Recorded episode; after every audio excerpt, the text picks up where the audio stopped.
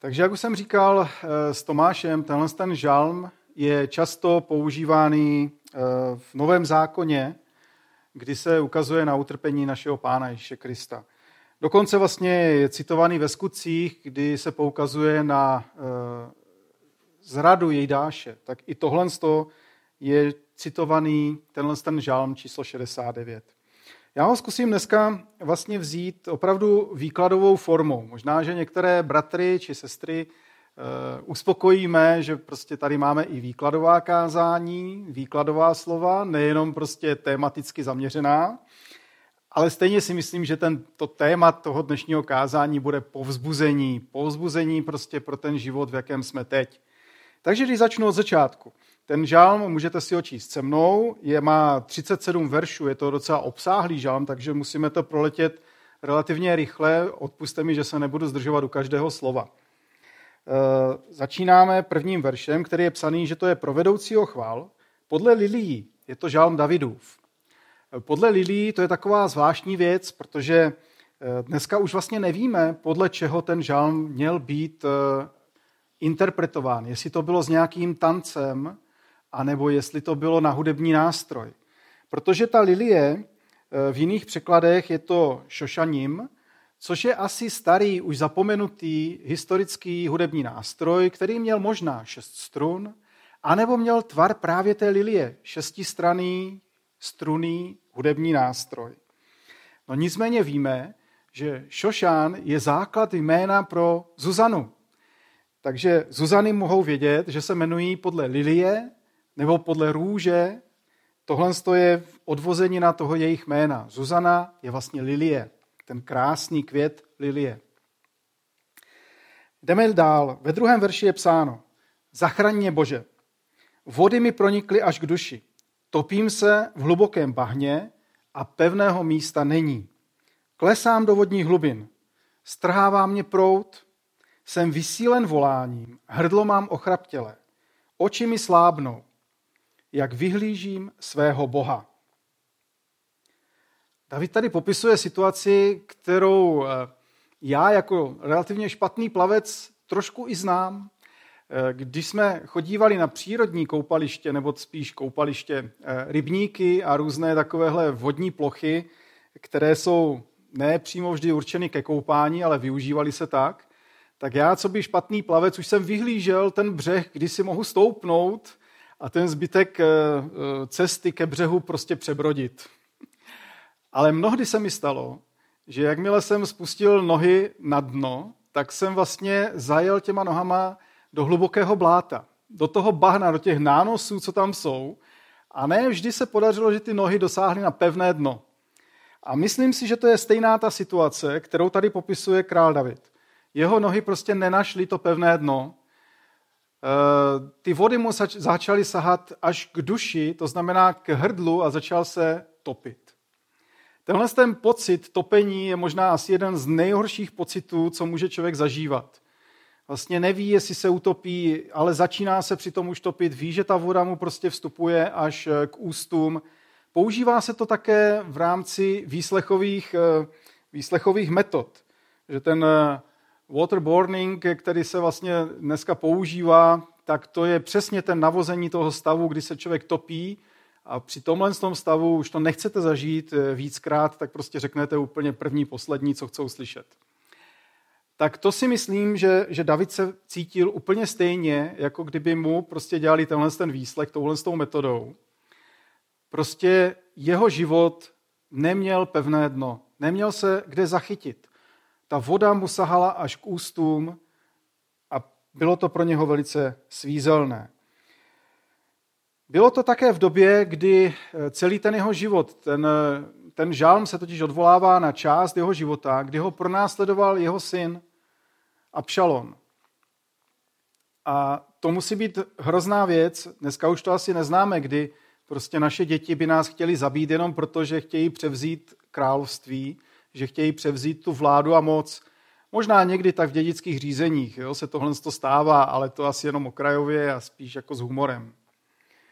Nicméně, jak se, jak se David asi cítil, je popsáno v Izajáši 38.14, kde je napsáno jako rorejs nebo jeřáb, tak sípu.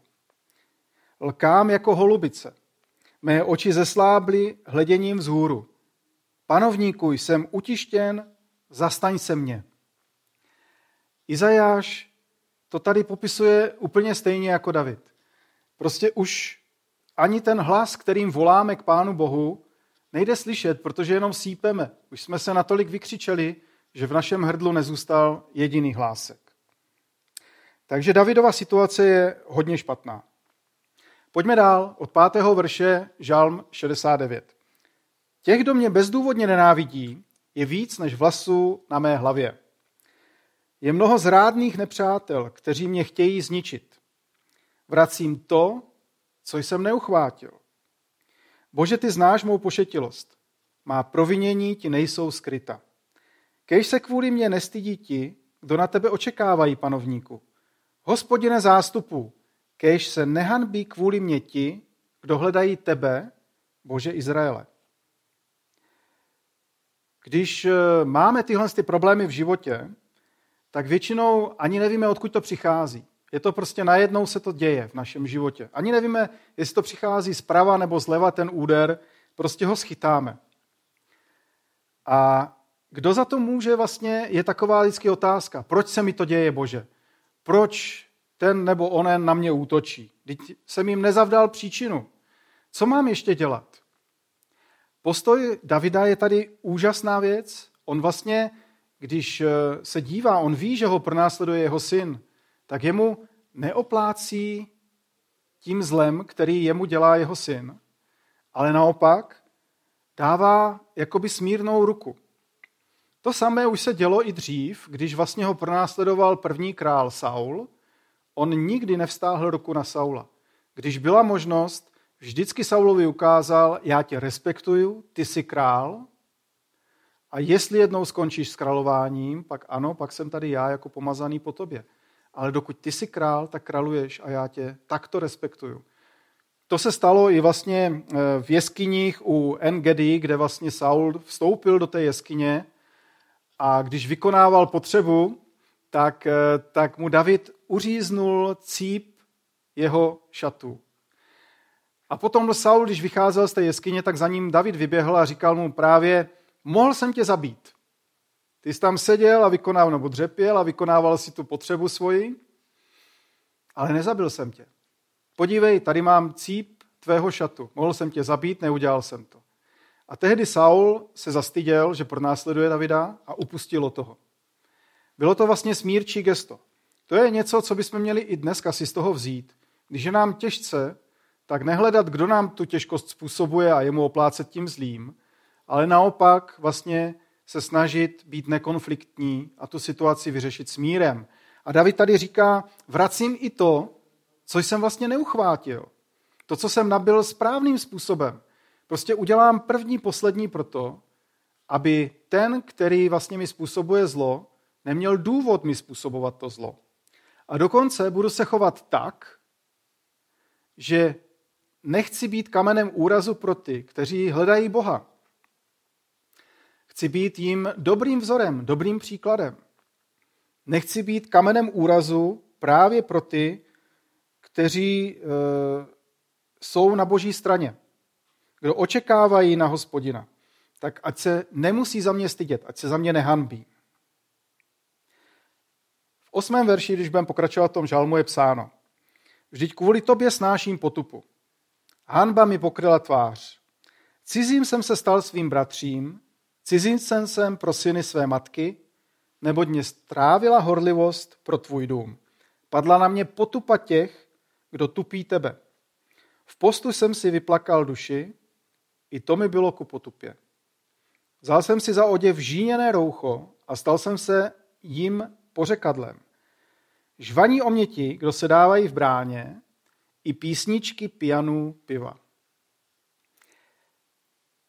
David říká, proč se mu to děje. Proč vlastně je natolik pronásledovaný. Protože on za všech okolností chválí Pána Boha. On je ten, který se modlí, který drží půst, který si obléká to žíněné roucho, který tráví ten čas před boží tváří. A za to všechno je lidmi pohrdán. Je to i dnes úplně stejný. Když budete říkat někomu, že věříte v Krista, že chodíte do církve, že se každý den modlíte nebo že držíte půst, tak možná s tím postem ještě tak jako uspějete u nějakých eh, takových těch eh, asketicky založených lidí, kteří sem tam také drží pusty, ale oni spíš drží hladovky než půst. Ale u toho, že se modlíte, že trávíte čas tím, že si čtete Bibli, Boží slovo, tam moc neuspějete. A je to úplně jedno. Žvaní o mě ti, kdo se dávají v bráně, to znamená ti, kteří jsou v moci postavení. Tady to byli soudci, kteří se dávali v těch branách.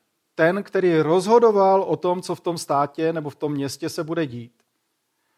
Rada starších. Dneska by to se dalo říct, že to jsou v moci postavení. Tak ti nemají uznání, protože někdo hledá boží tvář. Málo kdy se stane, že v moci postavených řekne, e, modlím se, nebo jsem křesťan. U nás to není vůbec zvykem, že by někdo něco takového řekl. Možná ve světě najdete pár ojedinělých států, kde v moci postavený třeba premiér nebo prezident toho státu vás bude vyzývat k modlitbám, když se dějou nějaké špatné věci v tom, v tom státě. No a David se dostává i do takových těch eh, písní, eh, těch, kteří se dávají v hospodách. Dá se říct, že to jsou takoví ti nevýznamní, takových těch dolních 10 milionů u nás, kteří prospěvují ty písně, které hanobí ty, kteří hledají Boha. To se stalo i jemu. V Jeremiáši 15.15 15 pak čteme. Ty to víš, hospodine, pamatuj na mě, postarej se o mne a pomsti se za mě na těch, kdo mě pronásledují. Pro svou trpělivost mě neodvrhuj. Věz, že kvůli tobě snáším pospěch. Jeremiáš, stejně jako ostatní proroci, si myslím, že to měli v životě velice těžké. A že jejich životy byly mnohdy v ohrožení, protože lidem se nelíbilo, že přinášejí Boží slovo. A tak možná je to i dneska úplně stejně, když budeme přicházet za lidmi, kteří neznají Pána Boha a budeme jim říkat, hele, ale ty bys opravdu neměl žít tak, jak žiješ. Čiň z toho pokání, to znamená odvrať si od té své cesty. Smíř se s Bohem udělej něco ve svém životě, tak se to lidem nebude líbit. Všichni znají takové ty základy nějakého etického způsobu chování se, ten etický kodex. Mnohdy je to skloňováno v naší společnosti. Ale málo kdy už se podle toho chovají ti lidé. A když jim to připomenete, tak vlastně to obrátí proti vám a řekne, vy jste ti špatní, vy to děláte ještě hůř. David potom jde dál. Ve 14. verši je psáno. Ale já jdu se svou modlitbou k tobě, hospodine. Je čas přízně. Bože, ve svém hojném milostrdenství mi odpověz pravdou své spásy. Vysvobodně z bahna, abych se neutopil. Kéž jsem vysvobozen od těch, kdo mě nenávidí, i z vodních hlubin. Ať mě neodplaví vodní prout, ať mě nepohltí hlubina, a ať se za mnou nezavře jáma.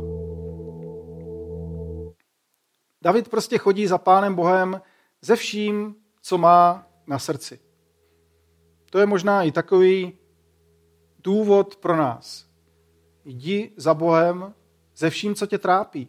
On je ten, který tě poslouchá a on má pro tebe nachystaný, jak tady říká David, čas přízně. Dnes je ten čas přízně. Ten čas přízně, pravda, trvá už dlouho.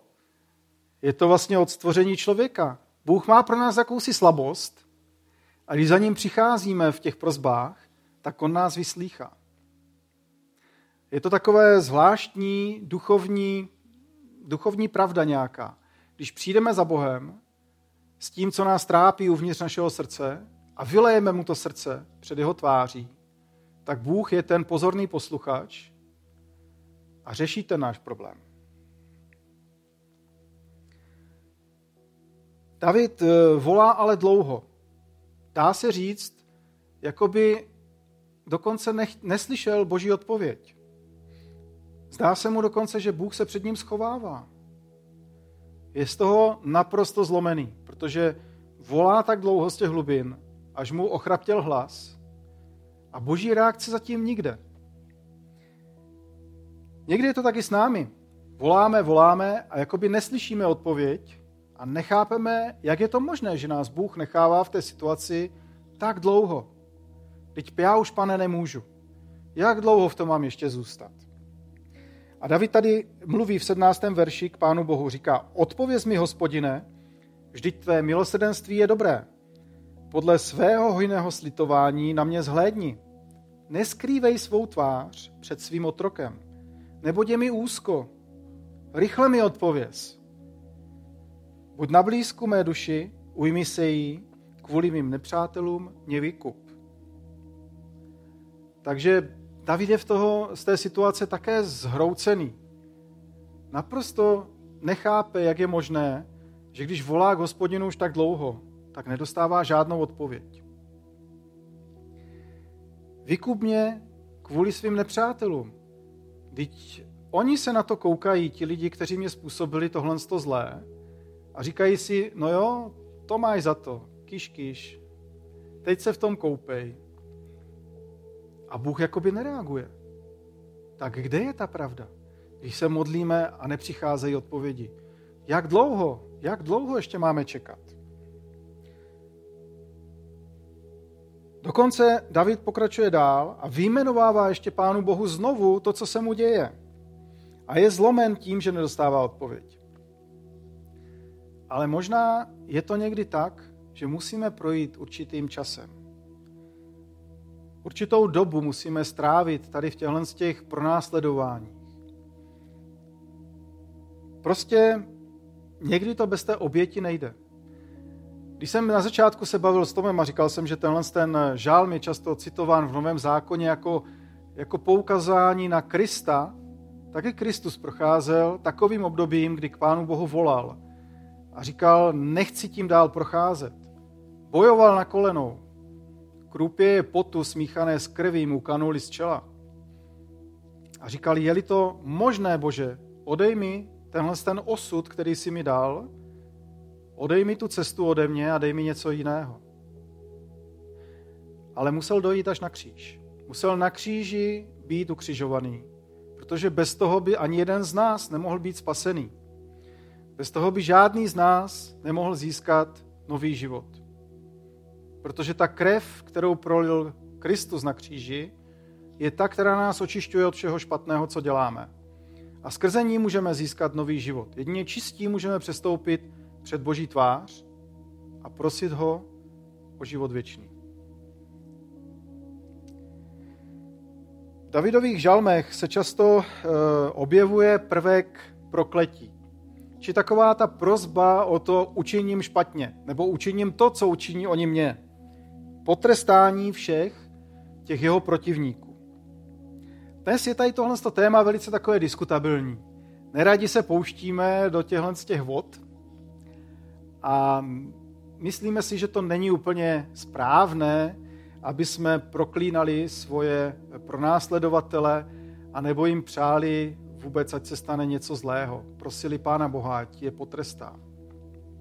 Nicméně David takto fungoval s Bohem a když vlastně eh, měl za sebou už to, že Bohu popsal, co se mu děje zlého a jak na tom je a že vlastně on dělal všechno dobře, tak potom prosí Pána Boha, ať potrestá ty, kteří mu způsobili to zlé. A od 23. verše říká, Kéž se jim stůl před nimi stane pastí. Kéž je léčkou těm, kdo jsou v pohodě. Ať se jim zatmějí oči, aby neviděli. Kéž se jim stále třesou bedra. Vylej na ně své rozhořčení. Kéž je dostihne tvůj planoucí hněv. Jejich hradiště nech je spustošeno a v jejich stanech ať nikdo nebydlí. Protože pronásledují toho, kterého ty jsi byl a berou si do úst bolest tebou raněných. Sečti jejich viny, kéž nevstoupí do tvé spravedlnosti, kež jsou vymazáni z knihy živých a nejsou zapsáni mezi spravedlivé. No, tohle to jsou vážná slova, která David právě prosí Boha, aby tohle to udělal těm jeho pronásledovatelům. Ve své podstatě říká, ti, kteří jsou zapsáni v knize živých, tak vymaž je stama. Nedovol těmto lidem, aby vešli do věčného života, aby přišli do nebe. Vymaž je z té knihy živých. Nebudou zapsáni mezi ty spravedlivé. Na druhou stranu, asi se to někdy musí dít. Kristus musel být pronásledovaný, aby mohl umřít na kříži. A když eh, pronásledovali židé Krista, tak jak jsme na začátku říkali, eh, že tenhle ten žálm je často citovaný, tak apoštol Pavel v listu Římanům v 11. kapitole právě cituje tyhle ty pasáže a říká, tohle to pronásledování, to špatné, co se dělo Kristu, právě přicházelo proto, aby my i pohané, to znamená nežidé, jsme mohli mít život věčný, aby jsme mohli přijmout Krista. Na závěr žalmu v Davidovi najednou se všechno otočí a začne uh, mít jistotu božího zastání se. A to je důležitá věc. Tak dlouho se modlíme, tak dlouho vyléváme srdce před Pánem Bohem, najednou cítíme, že Bůh je s námi. Nemusíme to zažívat třeba úplně prakticky, protože ani po tomhle tom žalmu ještě David nedosedl zpátky na, svoje královské, eh, na svůj královský trůn, byl pronásledovaný svým synem, ale za nějakou dobu to skončilo. Jeho syn dopadl špatně a David se vrátil do království. A tak na závěr tady čteme od 30. verše Žalmu 69.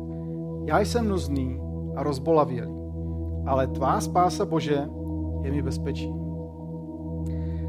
Zpěvem budu chválit Boží jméno. Budu ho velebit písní díku. Bude to hospodinu milejší než bík, než bíček z rohy a paznechty. Uvidí to pokorní a budou se radovat. Vy, kdo hledáte Boha, vaše srdce bude žít. Vždyť hospodin chudé slyší a svými vězni nepohrdá. Chválte jej nebesa i země, moře a vše, co se v nich hýbe. Neboť Bůh zachrání Sion a vybuduje judská města. Usadí se tam a obsadí jej. Dostane ho do dědictví potomstvo jeho otroků, budou v něm bydlet ti, kdo milují jeho jméno. Jsme rozbolavění možná z toho, jak neustále úpíme před Boží tváří. Ale získáme spásu a Bůh nám bude bezpečí, bezpečným útočištěm. A budeme ho chválit zpěvem. Budeme ho velebit písněmi, tak jak už jsme to dneska ostatně dělali. A tohle to všechno bude milejší, než když budeme formálně přinášet toho nejlepšího býka jako oběť. Toho nejlepšího býka, který bude mít rohy a paznechty krásně sformované. To znamená, podle nich se poznal ten nejlepší. Ten, který má v pořádku rohy, ten, který má v pořádku kopita, podle něho poznáte to nejlepší kus z toho stáda a ten jemu tehdy přinášeli. Dneska to může být cokoliv, co si myslíme, že to je to nejlepší. A když lidé přinášejí eh, podle starého zákona dary Pánu Bohu, tak to není to pravé. Není to pravé. David už sám tehdy říká, bude to milejší že jsem nuzný a rozbolavění, ale hledám tvoji spásu, než kdybych mu přinášel píka. A když to uvidí pokorní, tak se zaraduj. Když uvidí ostatní, že se nám děje něco zlého a Bůh nás z toho vysvobodí, no tak je to pro ně pozbuzení. Bůh zachrání Sion a Bůh vybuduje nová města. Tady je obraz už toho, co nás čeká v životě věčném. Budeme žít v Novém Jeruzalémě. Budou tam nová města v Judsku vybudována, nad kterými nebo do kterých budeme usazeni a nad kterými budeme panovat. A budou v něm bydlet ti, kdo milují tvé jméno. Kdo milují tvé jméno. Ne ti, kteří vykonávají skutky, že přináší býka před boží tvář, ale ti, kdo milují tvé jméno. Vás pása Bože je mi bezpečím. Spasen bude každý, kdo miluje tvé jméno. Haleluja. V Izajáši 49.13 čteme Výskejte nebesa, jásej země, hory, propukněte v radostný křik, protože hospodin potěší svůj lid a nad svými skroušenými se slituje.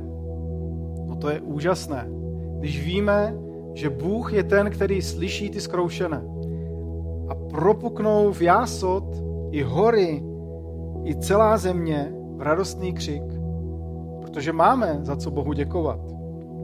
A v Matoušovi 6, 33 až 34 je napsáný Hledejte však nejprve Boží království a jeho spravedlnost.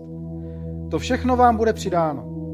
Nedělejte si tedy starost kvůli zítřku, neboť zítřek bude mít své vlastní starosti. Každý den má dost vlastního trápení. Neukájejte se tím, že zrovna dnes je vám špatně. Že poslední dobou to na vás všecko padá. Důležité je, kam směřujeme. Hledejte nejprve Boží království. Jak říkal David, milujte Boží jméno. Mějte Pána Boha ve svém srdci. A to, co je dnes možná pro vás přítěží, to se změní v radost. A v takovou radost, že všichni dookola budou jásat. Chtěl bych, aby tenhle ten žalm, když ho budete číst, na vás nepůsobil právě depresivně. Abyste nepadli pod tíhou těch prvních veršů, ale naopak ten závěr si užili. Abyste chápali, že Bůh je vždycky na blízku. A i když se chvíli cítíte špatně, anebo dlouho se cítíte špatně, tak stejně víme, že v božím jménu, v něm máme tu jistotu spasení. Že v něm máme tu možnost, že se ty věci změní. Něm je totiž den milosti, den spásy. A milujme tedy Boží.